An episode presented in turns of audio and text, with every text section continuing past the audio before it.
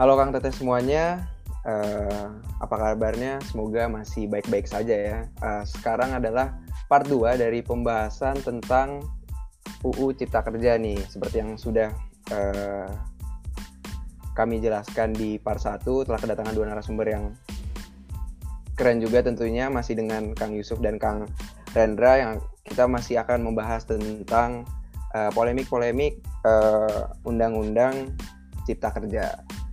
Oke, karena uh, kemarin waktu part 1 uh, eh, pertanyaannya dimulai oleh Kang Yusuf, mungkin sekarang akan saya mulai dulu dengan Kang Rendra. Pertanyaannya adalah mitos atau fakta pengusaha diuntungkan sedangkan pekerja dan karyawan dirugikan. Karena kalau kita lihat dari UU Cipta Kerja ini misalkan contohnya pada pasal 79 ayat 2B waktu tentang waktu istirahat dan cuti uh, uh, kalau misalkan kita lihat cuti head dan melahirkan itu terancam hilang. Itu juga ada upah minimum uh, sebagai jaring pengaman. Jadi uh, semuanya berdasarkan upah minimum provinsi. Kalau kita lihat dari pasal uh, 88C. Lalu ada juga penghapusan pasal status kontrak. Lalu ada juga uh, dalam pasal 42 tenaga kerja asing uh, tidak diharuskan ada pernyataan tertulis jika ingin uh, bekerja di suatu perusahaan. Nah, lalu pertanyaannya adalah ketika tenaga kerja asing tidak ada pernyataan tulis, siapa yang uh, akan bertanggung jawab nih untuk uh, mereka? Dan juga ada beberapa beberapa poin lagi yang uh, tentunya menjadi keresahan bagi para buruh. Nah, menurut Kang Rendra sendiri nih, uh, karena Kang Rendra tadi katanya kan udah sering juga diskusi dengan berbagai macam uh, lapisan masyarakat lah. Menurut kalian sendiri ini mitos atau justru uh, fakta sih bahwa pengusaha lebih diuntungkan atau justru malah eh, nggak uh, ada untungnya pengusaha dari regulasi uh, yang diatur oleh UU Cipta Kerja. Baik, uh, kalau dari saya mengenai apakah perusahaan itu diuntungkan atau enggak jelas kalau misalkan di sini jauh lebih diuntungkan daripada sebelumnya uh, pengusaha. Dan perusahaan-perusahaan itu baik asing maupun dalam itu lebih diuntungkan. Tapi bukan berarti pekerja pun tidak diuntungkan. Karena kalau misalkan kita lihat dari undang-undang ini sebenarnya bukan terancam dihapus atau gimana. Uh, yang namanya apa namanya? Uh, cuti kerja untuk buat hamil untuk head gitu ya. Itu bukannya dihapuskan tapi diperbolehkan untuk tidak ada gitu jadi kembali lagi ke perusahaannya apakah punya regulasi seperti itu atau tidak. Dan juga kalau misalkan mengenai kontrak kerja itu sebenarnya di, juga di kontrak kerjanya kalau misalkan kontrak kerjanya ada cuti hamil, ada cuti head gitu ya. Justru di sinilah si uh, pekerja itu diuntungkannya di, di bagian ini gitu. Kalau misalkan uh, ada hitam di atas putih, ada deal-dealan antara perusahaan dan uh, pekerja untuk dia apa namanya bisa uh, saling memahami gitu ya untuk bisa saling memahami kalau misalkan oh si pekerja butuh cuti hamil oh si pekerja butuh cuti haid gitu ya. Nah di situ kalau misalkan si perusahaan tidak bisa memadai itu uh, atau perusahaan itu memilih untuk tidak mendapatkan regulasi itu tidak memberi regulasi oh nggak bisa nih kalau kerja di sini nggak boleh ada cuti haid nggak ada cuti hamil gitu ya. Si pekerja pun bisa dengan mudah keluar gitu. Tidak tidak masuk ke perusahaan yang itu. Dan masih banyak lagi perusahaan yang lain yang karena omnibus ini uh, lebih mudah terdiri gitu ya lebih mudah berdiri. Dan masih banyak lagi nih apa namanya kita bisa bisa masuk yang mana gitu seperti itu. Jadi uh, si pekerjanya pun di sini diuntungkan kalau misalkan sudah ada hitam di atas putih ini saat dia apa namanya ngomongin lembur atau gimana dia harus ada pemahaman gitu kalau misalkan perusahaan ini butuh dia misalkan lembur dalam sebulan maksimal 8 jam gitu misalkan. Saat dia diminta atasannya si, si pekerjanya ini diminta atasannya uh, lebih dari 8 jam tidak sesuai di hitam di atas putih, dia pun bisa nuntut ke perusahaannya. Makanya di sini uh, melalui jalur hukum. Jadi di sini per, si pekerjanya pun diuntungkan gitu. Jadi nggak seenak-enaknya uh, si perusahaan atau si atasannya gitu. Yang selama ini sering terjadi kayak gitu. Terus tadi pertanyaannya ada apa lagi? itu aja sih Kang Rendra. Jadi uh, apakah jadi sebenarnya uh, berat sebelah lah gitu. Jadi pengusaha diuntungkan banget, terus pekerja atau hmm. karyawan dirugikan banget gitu. Jadi sebenarnya enggak ya Kang? Ya? Sebenarnya kalau menurut saya enggak. Hmm. Enggak enggak semata-mata gitu karena pekerja pun dalam undang-undang ini dia dilindungi Hmm. karena ada kontrak seperti itu. betul betul betul soalnya eh, apa yang berada di masyarakat cenderung banyak mispersepsi kali ya jadi semacam apa apa ini dihilangkan eh, cuti ini dihilangkan padahal itu bisa eh, diatur dalam kontrak kerja antara baik antara buruh dan perusahaan seperti itu kali ya Kang Betul. Jelas Oh. kalau misalkan kakak saya pun juga dia Hmm. tergabung dengan PSSI atau Persatuan eh, Seri- eh Satuan Serikat Kerja di seluruh Indonesia kalau nggak salah saya lupa itu Hmm. nama panjang. Ah itu pun mereka pun bergerak dalam waktu kemarin demo gitu ya waktu awal-awal banget di situsnya itu bergerak mereka sampai tanggal 8 kalau nggak salah. Tapi di situ kontrak kerja bukan salah satu bagian dari yang mereka eh, tuntut gitu. Hmm. Jadi sebenarnya pekerja pun dilindungi. Oke oke benar-benar. Oke, makasih banyak Kang Rendra eh, atas jawabannya. Jadi memang nggak semata-mata dengan adanya UU Cipta Kerja ini eh, hanya menguntungkan si pengusaha aja dan seolah-olah tidak melindungi buruh atau atau pekerja atau karyawan gitu ya Kang ya. Ya mungkin tambahan juga ya kalau Hmm. misalkan mengenai data karena baru beberapa hari yang lalu kan nggak nggak lama-lama yang lalu kan beberapa minggu yang lalu ini Yap. dijadikan undang-undang sudah ada rencana eh, perusahaan luar gitu ya mungkin sebut merek nama depannya F eh depannya V itu eh, HP ya perusahaan HP atau Hmm. gadget gitu ya dia mau bikin eh, pabrik di Tangerang di rumah saya dekat rumah saya itu yang butuh 8.000 pekerja nggak mungkin kan 8.000 pekerjanya itu semua TKA kan Yap. pasti bisa lebih murah untuk kalau misalkan ngambil walaupun nggak seluruhnya deh walaupun sebagiannya aja dari dari lokal gitu ya eh, source-nya dari lokal itu kan diuntungin juga pekerjanya Siap. Makasih banyak Kang Rendra. Eh, mungkin itu adalah pandangan dari eh, Kang Rendra. Selanjutnya kepada Kang Yusuf. Boleh dipersilahkan. Oke, uh, tadi membahas tentang UU Cipta Kerja ini mendukung pengusaha atau dan merugikan pekerja itu mitos atau fakta.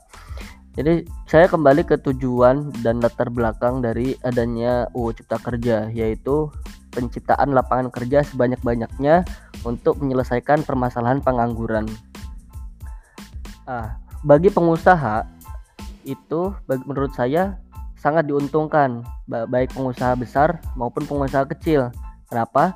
Kalau pengusaha besar ini akan ada kepastian hukum dan kemudahan investasi dengan adanya eh, kejelasan tentang terkait konsesi, konsesi lahan, kemudian eh, kemudian investasi yang itu terpusat di pemerintah pusat gitu. Dan itu eh, masalah perizinan-perizinan atau eh, perizinan-perizinan yang di daerah ya. Nanti kan kalau misalnya nggak ada nggak ada UU Cipta Kerja ini konsesi-konsesi itu nanti jatuhnya ke daerah. Dan di situ banyak sekali transaksi-transaksi gelap antara pemerintah daerah dengan pengusaha yang sebenarnya itu sangat merugikan pengusaha. Karena untuk dalam rencana apa keuangan bisnis itu ya itu transaksi-transaksi itu tidak masuk anggaran itu di luar anggaran kayak gitu. Kemudian untuk pengusaha kecil juga diuntungkan karena gini kalau kita lihat ya dengan adanya UU Cipta Kerja ini itu pengusaha-pengusaha kecil itu akan mudah eh, mendapatkan izin ada namanya nomor izin berusaha yang itu didapatkan dengan isi OSS saja di eh, websitenya BKPM itu tinggal ngisi OSS itu akan keluar NIB nomor izin berusaha dengan NIB ini pengusaha-pengusaha kecil itu bisa eh, mengajukan pinjaman ke bank gitu. Yang sebelumnya untuk dapat NIB itu butuh jutaan, butuh sekitar 10 juta untuk dapat NIB itu. Padahal nanti ketika ke bank itu paling pinjamannya cuma 5 juta, nggak balik modal. Nah, makanya dengan sekarang ini tinggal daftarin dapat NIB yang itu gratis terus ngajukan ke bank itu udah bisa karena udah punya NIB dan yang satu lagi dengan adanya UU Cipta Kerja ini pengusaha kecil itu diuntungkan karena adanya konsep project based loan pinjaman berbasis project gitu pinjaman jadi kalau misalnya usahanya udah ada nih usahanya udah ada itu bisa dapat pinjaman. Kalau yang sebelumnya itu aset based loan. Pengusaha kecil itu harus punya aset dulu. Dia harus gadaikan tanah gadaikan rumah gadaikan mobil gadaikan eh, macam-macam BPKB gitu. Untuk dapat pinjaman. Kalau sekarang kalau misalnya udah ada perusahaannya, ada cash flow gitu, ada uang yang berputar, ada pasar, ada yang beli gitu, itu udah bisa dapat pinjaman gitu. Kemudian untuk kalau untuk pekerja ya, nah ini sebenarnya untuk pekerja itu yang dirugikan itu pekerja yang males-malesan. Memang ya kalau secara umum itu akan menurunkan gaji pekerja gitu tetapi untuk pekerja yang kinerjanya bagus, pasti dia akan mendapatkan bayaran yang tinggi. Karena permasalahan di Indonesia ini tidak hanya pekerja, tapi penyelesaian pengangguran di Indonesia. Di kalau kita bandingkan sama negara-negara lain di Vietnam dan macam-macam itu di Indonesia ini upah minimal pekerjanya itu jadi yang yang berhubungan sama pembayaran tenaga kerja itu relatif lebih tinggi daripada negara lain. Itulah yang memberatkan pengusaha itu untuk membuka lapangan kerja di Indonesia. Karena biayanya tinggi, bayar tenaga kerjanya tinggi. Kalau di Vietnam itu uh, di apa biayanya rendah untuk bayar tenaga kerjanya. Nah, masalahnya kalau di Indonesia ini sebenarnya nggak masalah kalau nggak ada pengangguran. Masalahnya pengangguran ini banyak di Indonesia, bahkan sampai 10 juta jadi harapannya pemerintah itu pengangguran-pengangguran ini kan mereka nggak kerja, mereka siap dibayar murah pun siap gitu loh nggak apa-apa karena mereka aslinya nggak kerja, lapangan kerja susah gitu. Nah, mereka ini harapannya pemerintah yang pengangguran ini dibayar rendah nggak apa-apa. Untuk pekerja-pekerja yang udah masuk lapangan kerja, mereka yang nggak mau dibayar rendah, mereka resign nggak masalah, silakan buka usaha sendiri karena untuk buka usaha sekarang dipermudah gitu. Jadi yang pengangguran masuk ke lapangan kerja dibayar rendah nggak apa-apa. Yang nggak mau dibayar rendah silahkan keluar resign dan buka usaha sendiri. Dan itu terus membuka lapangan kerja sendiri. Harapannya kalau target pemerintah itu sesuai dengan yang ada di uh, rencana pemerintah itu targetnya tingkat uh, pengangguran di Indonesia itu yang awalnya 10 juta ya itu bisa sampai empat setengah sampai 5 juta. Gitu. Karena setiap tahun itu angkatan kerja baru itu nyampe 3 juta sedangkan yang terserap itu sekitar 1,2 atau 3 juta. Jadi kalau misalnya nggak nggak di apa nggak diupdate terus lapangan kerja nggak dibuka itu bakal semakin banyak pengangguran karena angkatan kerja baru kan setiap tahun semakin banyak. Nah itu uh, terkait dengan pengusaha pekerja dan pengangguran. Nah kalau tenaga kerja asing nah ini yang perlu dipahami. Jadi kalau tenaga kerja asing ini bagi bagi pengusaha ya bagi pengusaha yang dia membutuhkan tenaga kerja asing sebagaimana yang tadi disampaikan sama Mas Rendra ini ya. Jadi pendidikan di Indonesia ini orang-orangnya uh, belum ini belum istilahnya belum siap kayak gitu untuk menyambut investasi uh, dan pembukaan lapangan kerja yang uh, teknologinya lumayan tinggi gitu. Makanya setiap pembuka lapangan kerja di Indonesia itu harus punya kalau yang di UU yang yang dalam UU Cipta Kerja itu harus punya rencana penggunaan TKA rencana penggunaan tenaga kerja asing. Itu bagaimana? Intinya dari pemerintah dari pemerintah itu rencana TKA penggunaan TKA itu harus uh, memang didasarkan karena tenaga kerja di Indonesia belum memenuhi spesifikasi. Kemudian harus ada alih teknologi. Jadi tenaga kerja asing ini harus mentransfer teknologi harus mentransfer ilmunya ke tenaga kerja di Indonesia. Dan kemudian setiap tahun itu tenaga kerja asing itu harus dikurangi jumlahnya gitu. Nah, tenaga kerja asing yang kerja di Indonesia itu mereka memang para ahli, engineer, insinyur, ilmuwan. Kalau tenaga kerja buruh kasar itu dilarang untuk kerja di Indonesia itu peraturan dari pemerintah nggak boleh kalau misalnya tenaga kerja asing datang ke Indonesia cuman jadi buruh kasar itu nggak boleh dia harus dia harus insinyur, engineer atau tenaga ahli. Nanti kerja di Indonesia harus ada transfer teknologi dan setiap tahun harus dikurangi itu. Nah, uh, jadi isu itu kalau misalnya isu yang di, menyebar di masyarakat kan itu tenaga kerja asing mudah masuk di Indonesia nggak harus bisa bahasa Indonesia. Ya kalau memang dilihat di faktanya karena yang yang dibutuhkan oleh Indonesia itu bukan tenaga kerja asing yang bisa bahasa Indonesia tapi tenaga kerja asing yang bisa transfer teknologi. Yang yang nerima kan ya bi- bisa komunikasi pakai bahasa Inggris. Yang ngajarnya pakai bisa pakai bahasa Inggris ya nggak masalah gitu. Yang penting intinya itu bukan bahasa Indonesianya tapi transfer teknologinya. Gitu. Nah, makanya salah persepsi di masyarakat ini eh apa signifikan berpengaruh terhadap penolakan UU Cipta Kerja yang apa salah paham dalam menyikapi UU Cipta Kerja ini realnya di lapangan itu seperti apa. Itu sih kalau dari saya Oke, mantap. Terima kasih banyak eh, Kang Yusuf. Eh, berarti memang banyak banget eh, mispersepsi, mispersepsi eh, di kalangan masyarakat tentang sebenarnya UU Ciptaker ini sebenarnya UU Ciptaker ini apakah sangat-sangat merugikan karyawan atau sangat-sangat menguntungkan pengusaha ataupun eh, sebaliknya gitu. Karena memang banyak sekali eh, mispersepsi ya an- antara masyarakat. Eh, boleh eh, Kang Rendra dipersilahkan mungkin. Mungkin untuk sedikit menanggapi ya tentang TKA itu. Jadi eh, saya pun dapat info dari dosen saya yang tadi pun ngajar saya gitu. Waktu itu pernah saya eh, ajak untuk buat podcast juga di mana beliau menjadi pembicara. Mungkin namanya nggak usah disebut di sini kali ya Eh, takut saya juga yang terancam jadi eh, waktu itu beliau bilang PUPR PUPR itu bisa dibilang eh, milik negara ya kan ya eh, pembangunan pembangunan umum gitu ya.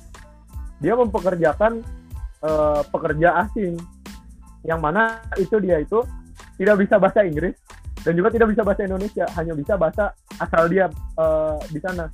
Yang mana kerja dia di sini hanyalah teodolit.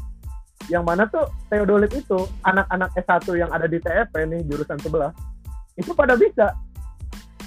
Nah, tapi di Indonesia teodolit ini masih eh, dianggap menjadi sebuah hard skill yang nggak banyak lah yang bisa gitu. Padahal sebenarnya kalau ada pendataan, kalau misalkan sudah siap, pemerintahnya pun sudah tahu kalau misalkan orang-orang Indonesia itu dan nggak perlu loh kayak gitu uh, ngambil dari luar. Tapi mereka tetap ngambil dari luar. Kenapa? Karena mereka mau digaji rendah. Jadi uh, dari pihak PUPR itu tetap uh, merekrut orang-orang dari luar sana karena mereka mau digaji rendah gitu dibanding orang-orang Indonesia. Karena pada waktu itu pun saat di kontrak kerjanya mereka orang-orang Indonesia yang ingin dipekerjakan mintanya nuntutnya banyak banget. Banyak ini banyak itu. Sementara perkataan dari dosen saya yang saya ingat waktu itu dia bilang bahkan mereka untuk makan siang dikasih tempe dan tahu pun mau gitu. Ibaratnya kan istilahnya digituin juga nggak masalah gitu, apalagi mengenai gaji gitu. Yang penting mereka kerja pada waktu itu kan jadi di situlah uh, berhubungan juga tentang uh, mindset gitu ya di mana pada waktu itu uh, Jokowi uh, mencanangkan tentang revolusi mental gitu ya tentang revolusi mental mungkin beberapa orang yang ikut demo pun menuntut gitu pernah menuntut uh, Jokowi revolusi mentalnya mana nih revolusi mentalnya mana nih? Nah di sinilah aplikasi aplikasi dari revolusi mental gitu. Di mana orang-orang Indonesia kan terkenal dengan apa coba? Orang pun uh, saya pun waktu itu ngobrol sama yang panitera itu yang tergabung dengan GMNI Gerakan Mahasiswa Nasional Indonesia gitu ya saya lupa panjangannya. Mereka bilang kalau misalkan ya di Indonesia pun banyak uh, rakyatnya yang masih bobrok masih banyak kebobrokan di, di rakyat Indonesia gitu yang mana mindset di Indonesia tuh masih masih luas lah kalau misalkan mikirnya ah nggak apa-apa pelan-pelan asal kelar gitu kan. Ah sering lah kita dengar kayak gitu kan. Asal kelar asal kelar gitu. Beda sama TKA yang di sana gitu. Nah di sini revolusi mentalnya kalau misalkan nggak bisa kayak gitu kalian nggak bisa kompetitif. Kalau misalkan nggak bisa kompetitif kalian tereliminasi. Kayak gitu. Jadi mau berubah atau enggak kalau nggak berubah ya kalian tereliminasi gitu. Walaupun hukum di Indonesia cukup ketat gitu ya. Bagi saya adalah hukum yang paling ketat yang berlaku di mana pun paling universal adalah hukum alam di mana yang tidak bisa beradaptasi tidak akan bisa survive tidak akan bisa bertahan hidup. Seperti itu. Mantap. Uh, terima kasih banyak Kang Rendra. Mungkin Kang Yusuf sebelum kita lanjut ke topik selanjutnya apakah ada yang ingin ditambahkan? Ya uh, jadi tadi apa yang disampaikan Mas apa Kang Rendra itu tadi uh, kalau kalau tenaga dari tenaga kerja dari luar itu juga oversupply sebenarnya. Makanya mereka mau dibayar murah di Indonesia. Karena di sana juga di negara asalnya mereka sudah ini dah apa namanya oversupply nggak diterima gitu. Mau bersaing susah. Akhirnya mereka datang ke Indonesia. Jadi di Indonesia juga sama oversupply juga pengangguran Indonesia juga tinggi gitu. Jadi. Jadi sama-sama oversupply ya antara negara asalnya dengan negara Indonesia. Jadi Oke. TKA nggak bisa kompetitif di negaranya, jadi dia mencoba kompetitif lah di Indonesia seperti itu. Iya betul betul. Betul. Mungkin eh, sebelum kita lanjut, eh, saya ada sedikit pertanyaan nih, mungkin untuk eh, Kang Yusuf kali ya. Jadi sebenarnya apakah dengan misalkan kita, eh, apakah dengan misalkan UU Ciptaker kan ada mengatur regulasi tentang upah minimum. Nah, apakah dengan eh, penurunan upah minimum seperti ini produktivitas dari pekerja ataupun buruh dapat meningkat atau justru malah menimbulkan apa ya justru karena upahnya kecil jadi malah males-malesan atau justru malah ketika kita menekan upahnya eh, mereka mereka bisa lebih produktif lagi mungkin menurut Kang Yusuf bagaimana? Eh, jadi kalau yang di UU Cipta Kerja itu sebenarnya bukan upah minimumnya yang dikurangin, tapi eh, ini pesangon, pesangon untuk eh, mereka yang eh, resign atau pesangon untuk PHK gitu. Jadi ke depan gitu ya, ke depan tenaga kerja di Indonesia ini lebih dinamis.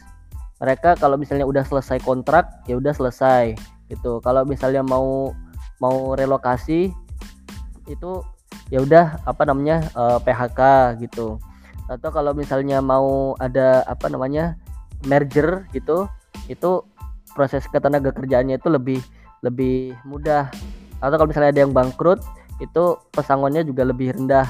Ya, intinya kayak gitu. Jadi lebih dinamis di apa namanya proses eh, bisnis di Indonesia. Proses ketenaga kerjaan di Indonesia itu lebih dinamis. Kalau upah minimum tuh sebenarnya nggak dikurangin gitu di kalau kalau di pemerintah itu kemarin udah mengumumkan bahwa UMR di Indonesia itu tidak akan naik tapi beberapa daerah juga ada yang naik itu nggak masalah Nah, gitu sih Oke mantap terima kasih eh, Kang Yusuf mungkin Kang Rendra ada yang ingin ditanggapi? Ya kalau menurut saya ya uh, balik lagi ke kontrak kerja yang di part 1 saya bilang tadi itu kalau misalkan eh di part 2 kali ya. Di part 2 kalau misalkan ada hitam di atas putih saat pekerja sudah deal dengan perusahaan kalau misalkan Anda saya gaji sekian, Anda harus bekerja titik titik titik titik. Kalau misalkan Anda tidak bekerja titik titik titik titik keluar gitu kan. Di Indonesia saya perhatikan kalau misalkan eh, apa namanya? lapangan pekerjaan luas pisan. Banyak banget gitu ya. Ba- bahkan sampai tadi berapa tuh 7 juta apa 10 juta yang pengangguran tuh mungkin bagian dari sana tuh masih masih produktif gitu ya. Masih kuat kuatnya lah masih kuat kuatnya buat kerja gitu. Lagi nyari duit nyari duitnya gitu ya. Tapi eh, banyak kuantitas di sini. Tapi apa kualitasnya memadai gitu? Makanya saya bilang kalau misalkan si peraturan eh si peraturan ini eh, urutannya salah gitu. Harusnya dibuat kualitasnya dulu. Banyak pelatihan mungkin les TOEFL di mana-mana atau kayak gimana gitu ya biar pekerja di Indonesia lebih kompetitif gitu ya saat di dunia kerjanya. Supaya dia nggak males-malesan saat pelatihan pekerja eh, saat udah dilatih pekerjanya itu di les-les mungkin di pihak ketiga atau gimana gitu ya. Atau bahkan dari pemerintahnya sendiri bisa jadi mencanangkan kayak gitu eh, kan lebih bagus gitu ya untuk menaikkan kualitas pekerjaannya Indonesia. Sebenarnya kan udah ada uh, itu di ada. kartu prakerja. Sudah ada kan berarti kan? Iya udah ada tuh di kartu prakerja itu kan udah dibuat pro- program semacam itu berarti lebih bagus lagi kan? Jadi si, si ini saya baru tahu nih kalau misalkan anda mungkin ini saling mengedukasi kali ya. Saya nggak baca waktu itu. Dan nggak ada yang nerangin juga ke saya waktu itu ada. Berarti lebih bagus lagi dong kalau misalkan kualitasnya juga di, dinaikin gitu. Bukan kuantitasnya kuantitasnya doang lebih kompetitif orang apa namanya pekerja-pekerja Indonesia. Jadi bisa uh, berdiri di kakinya sendiri gitu ya. Karena bagi saya gitu Indonesia belum bisa berdiri di kakinya sendiri gitu. Masih butuh yang namanya investasi-investasi luar dan nggak ada negara di mana pun yang bisa berdiri di kakinya sendiri pasti butuh investasi luar. Nah yang jadi catatan adalah Indonesia butuh banget sekarang ini lagi butuh-butuhnya duit. Betul betul. karena kalau misalkan mau dilatihnya dulu itu mungkin outcome-nya lama gitu ya. Sementara butuhnya sekarang nih mepet gitu. Hmm. jadi ya plaster ini pun memadai lah istilahnya buat luka Oke, makasih Kang Rendra. Mungkin Kang Yusuf sepertinya ada yang ingin ditanggapi. lanjut aja ke bahasan selanjutnya Oke, siap. Terima kasih uh, Kang Yusuf dan Kang Rendra.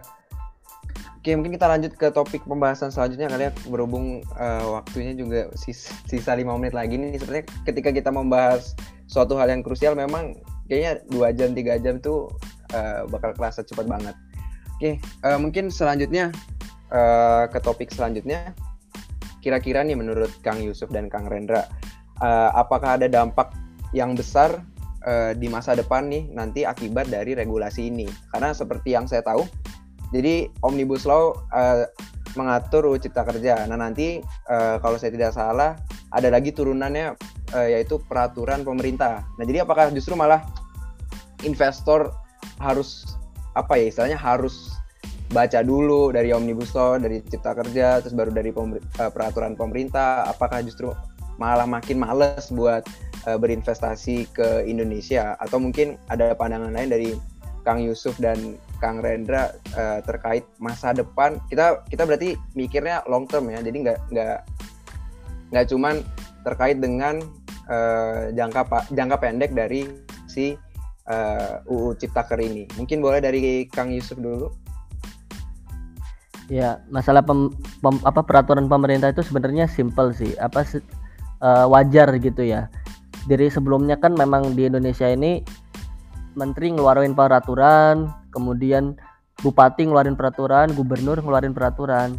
Intinya satu ketika nanti pemerintah mengeluar, apa mengeluarkan peraturan, yaitu peraturan pemerintah itu mengandung uh, sifat penyederhanaan.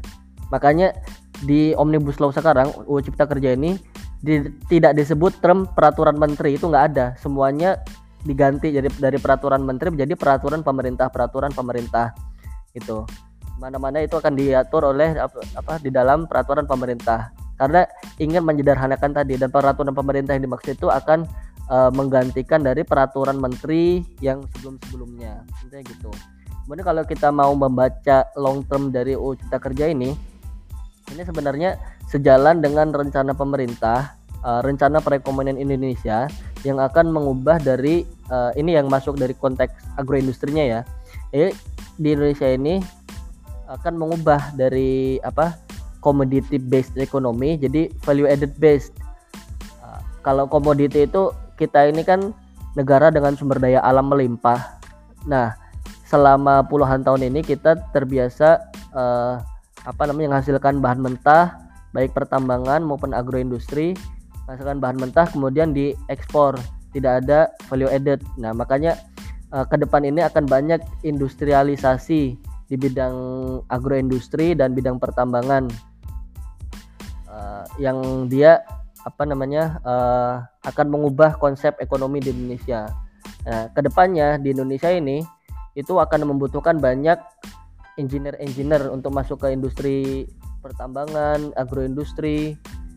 Kemudian uh, untuk itu itu untuk itu untuk mendukung apa namanya rencana pemerintah. Makanya kalau kita lihat kebijakan pemerintah di apa namanya LPDP di LPDP itu itu kalau pendaftarnya itu dia konsepnya maritim atau industri itu pasti akan lebih mudah apa untuk mendapatkan beasiswa LPDP itu. Karena dampaknya akan ke Indonesia lagi untuk mengubah konsep ekonomi dari commodity base jadi industrialisasi. Jadi hilirisasi menciptakan uh, produk yang lebih uh, yang lebih uh, terhilirkan gitu dari bahan mentah yang mulanya bahan mentah. Kayak gitu dari saya. Oke. Uh, terima kasih Kang Yusuf. Jadi memang kalau untuk uh, dampaknya secara long term ini cukup positif ya bagi uh, pemerintah bagi negara Indonesia. Karena memang seperti Kang Yusuf bilang tadi karena kita cuman keseringan ekspor bahan mentah tanpa ada tanpa ada nilai tambah lah ya kayak tadi. Jadi memang harganya jadi jomplang banget ya Kang ya. Jadi murah banget ya padahal bisa lebih mahal dari itu seharusnya kalau ada produk jadinya seperti itu ya Kang? Iya harusnya gitu. Dan tidak hanya dan tidak hanya harganya yang lebih mahal tapi juga hmm. penyerapan hmm. tenaga kerja. Jadi ketika ada hilirisasi industrialisasi baik di bidang agro maupun pertambangan itu akan menambah pemasukan bagi negara akan menyerap tenaga kerja akan apa meningkatkan pertumbuhan ekonomi Nah, itu banyak dampaknya. Betul.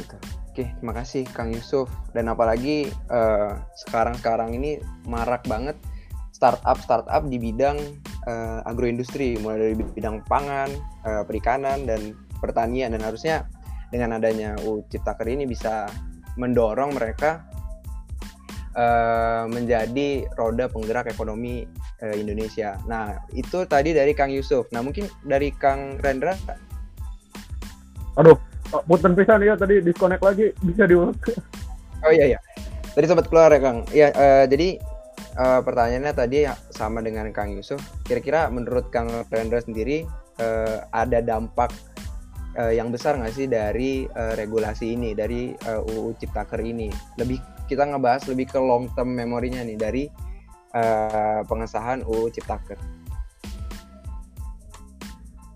Ya mungkin tadi saya dengar di akhir-akhir gitu ya tentang apa namanya menjual uh, apa namanya bahan mentah yang pasti murah gitu daripada yang bahan jadi.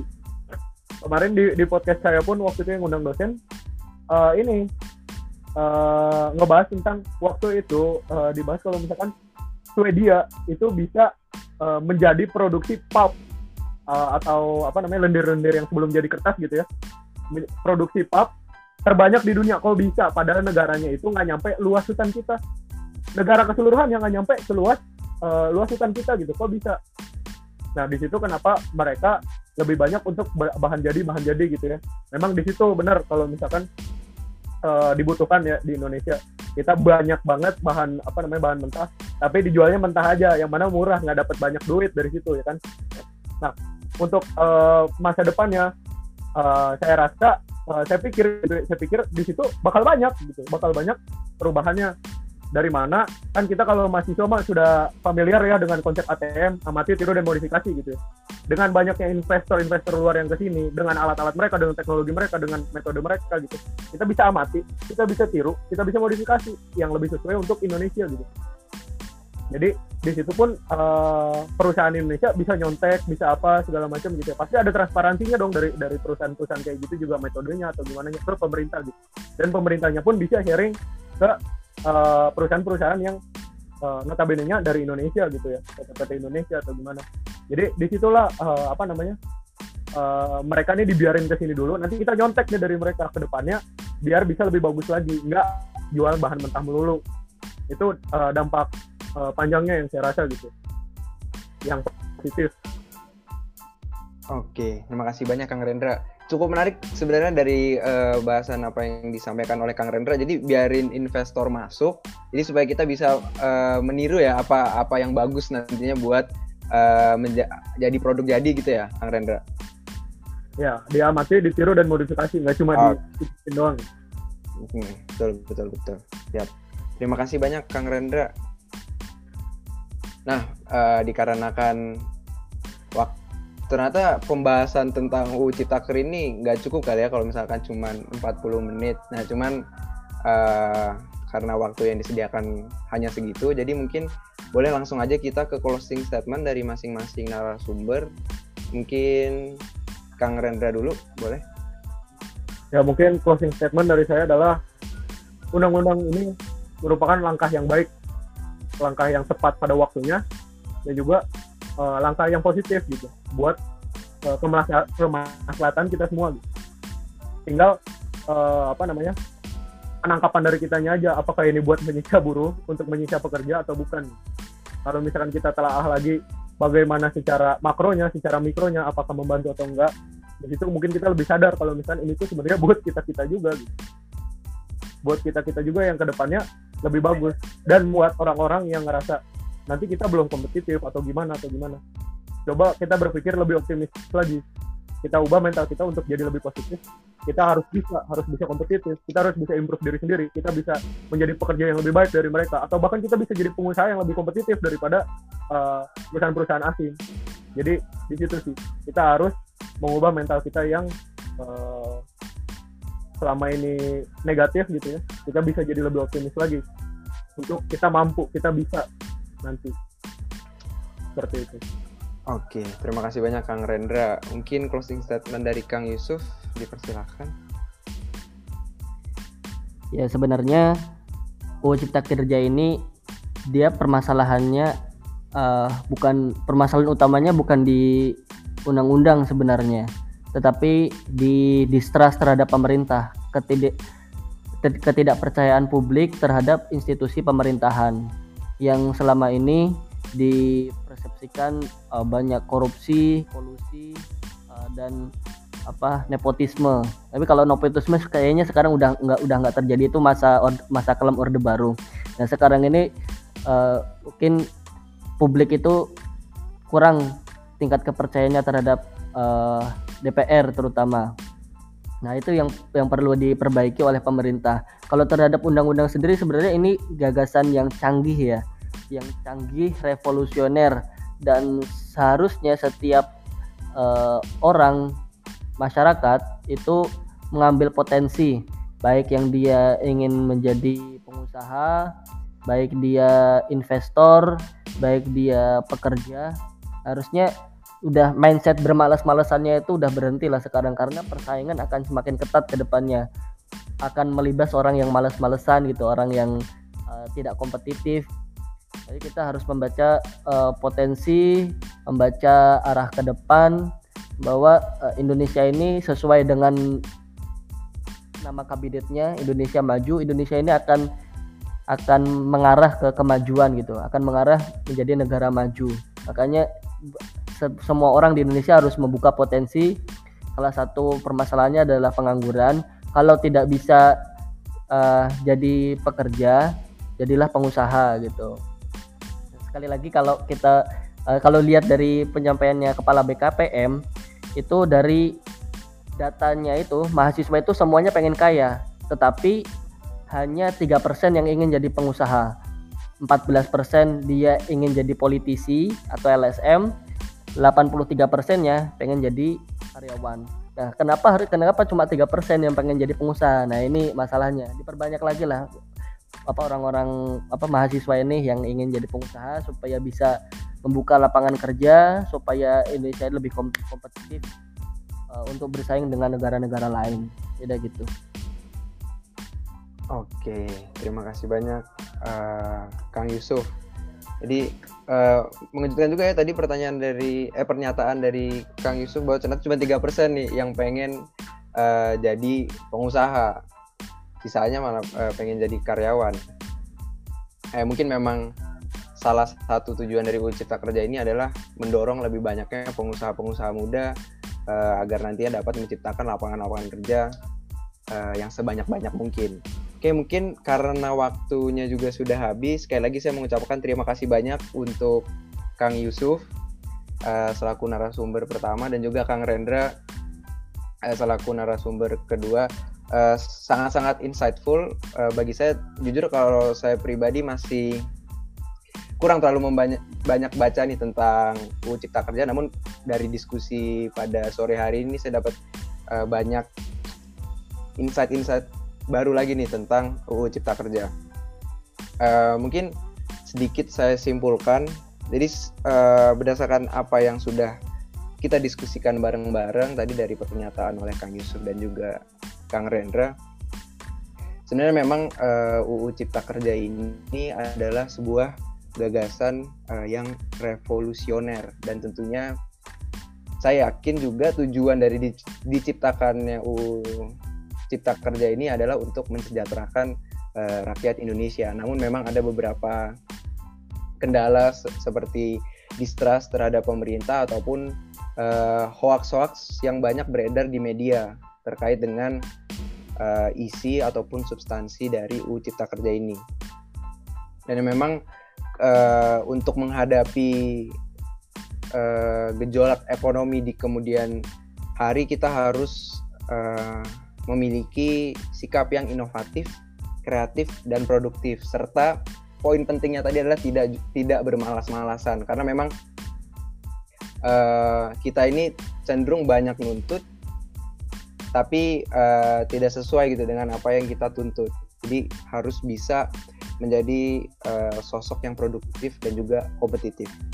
Mungkin dan jangan lelah berproses juga benar sekali karena jangan hanya fokus juga boleh fokus ke tujuan tapi memang kita sering melupakan tentang proses Oke, kalau gitu terima kasih sekali lagi untuk uh, panitia yang sudah mewadahi jalannya sesi diskusi pada sore hari ini.